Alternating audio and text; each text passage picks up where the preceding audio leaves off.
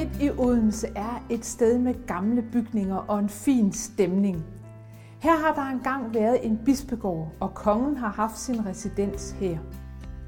Stedet har også været ejet af en velhavende Odense købmand. Men det endte hos en adelig familie Brahe, og i begyndelsen af 1700-tallet der oprettede Karen Brahe et adeligt kloster for ugifte adelsdamer, der kunne tage ophold på klosteret. Karen Brahe elskede bøger, og hun skabte i sit jomfrukloster en enestående bogsamling på flere tusinde bind af bøger og sjældne manuskripter. Klosteret bestod helt frem til 1970, hvor de sidste adelige damer forlod stedet. I dag er Jomfruklostret smukt restaureret af Real Dania, og det benyttes af Syddansk Universitet. Karen Brahes bøger de er her ikke længere, men hvorfor ikke fylde det smukke gamle kloster med nye bøger? En samling af det bedste af nyere dansk litteratur. Velkommen til Majs Litteraturkanon.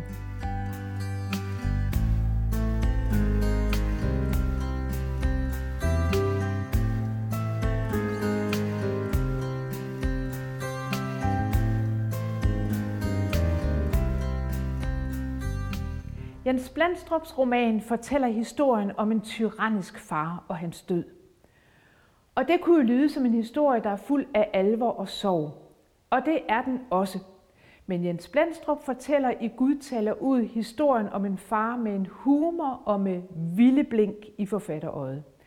Alvor og grinebideri bliver til et i et kunstværk, som læseren næsten ønsker ville fortsætte over mange flere sider end de 148, som Jens Blendstrup har beriget os med.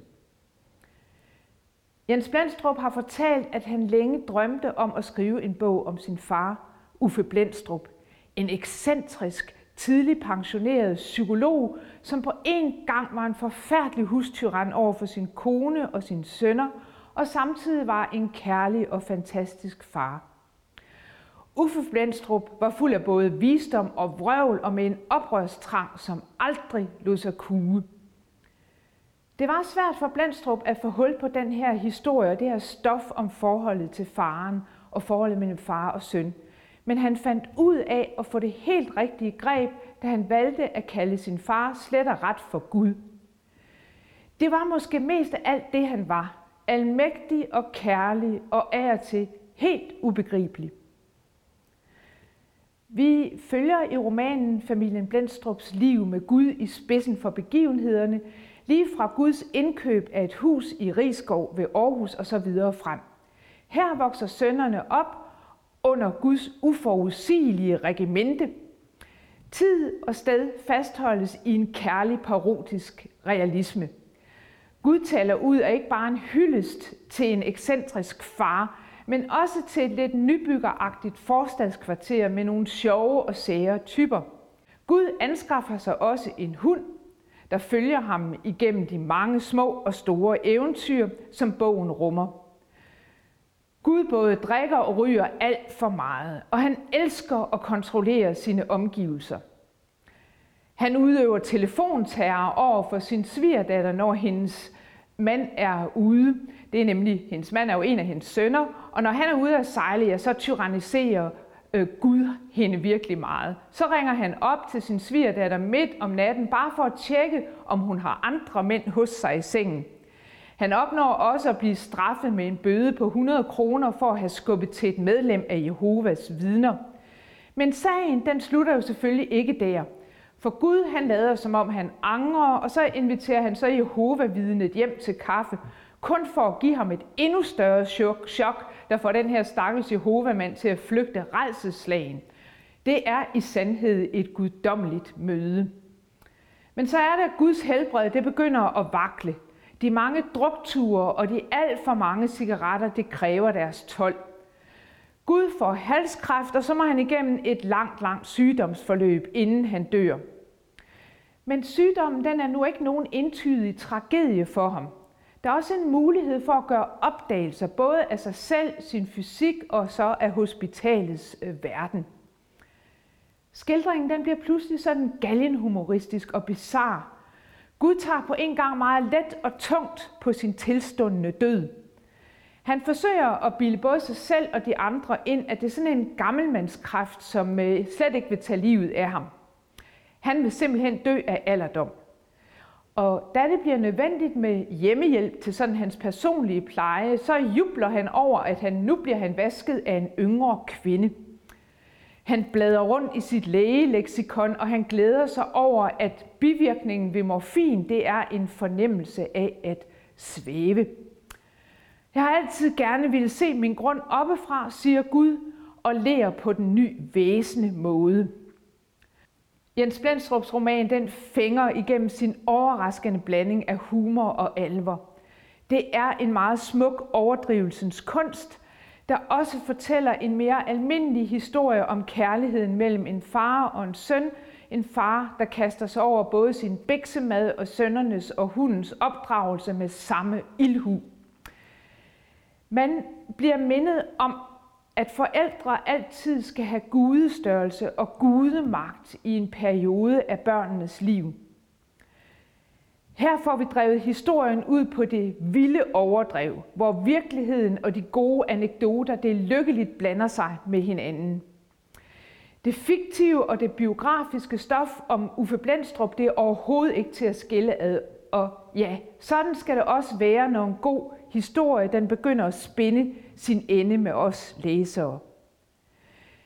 Jens Blendstrup han er noget så herligt og sjældent i dansk litteratur som en sand humorist, som forstår at fabulere, så sorg og glæde de kommer til at vandre til håbe, og lykke og ulykke, ja, de ganger på red. Den enerådige far Gud, han beslutter altså, at hans yngste søn skal læse historie på universitetet i Odense, og som sagt, så gjort, og det lyder sådan her i Blendstrups udlægning. Guds yngste er endelig blevet færdig med sit studie, så nu er det Guds tur til at indfri det løfte, Gud gav ham, da Gud sendte ham til Odense for at læse til historiker. I Guds familie tager man en uddannelse, før man udarter. Og det er det, Gud altid har sagt. Fire timers studier før fire timers værtshus, eller fire timers askese før fire timers druk, eller fire timers dannelse før fire timers fornedrelse, eller fire timers godhed før fire timers hævn, eller Fire timers levet liv før fire timers drømme. Og jeg er da godt klar over, at du har drømme, min søn. De skal bare pakkes ind i noget. Sådan gjorde jeg, da jeg var ung, siger Gud. Og det gør du også, min søn. Men nu er det blevet tid til Guds velvilje. For sønnen har jo klaret alt. Og det er ikke alle, der er kendt med i litteratur og historie. Det er det altså ikke selv om Gud er magister. Gud har lige haft kræft for første gang, men det skal ikke hindre ham i at komme til København med en overraskelse. Sønnen henter ham på hovedbanegården. Gud ser kostligt ud i cotton coat og med filtat. Og det der overskæg, som Gud kan gro frem på en time. Gud har også en kuffert med, som han bærer stateligt. Vi må afsted, min søn, siger Gud uden sentimentalitet. Har du fartøj med? Min cykel, siger sønnen. Jeg sidder ikke bag på nogen cykel i den mundering, siger Gud og præger en taxa. Til lånehejskontoret, siger Gud. Hvad, siger taxachaufføren. Til farisæerne og jøderne, siger Gud. Øhm, jeg ved ikke lige, hvor det er henne. Øh, hvor vil du hen, far, siger sønnen nervøst, for det er jo hans by nu. Til SU-kontoret vrænger Gud. Kan du da ikke tænke, dreng? Hvad skal vi der? Fjerne et å fra dine skuldre. Sønnen nikker.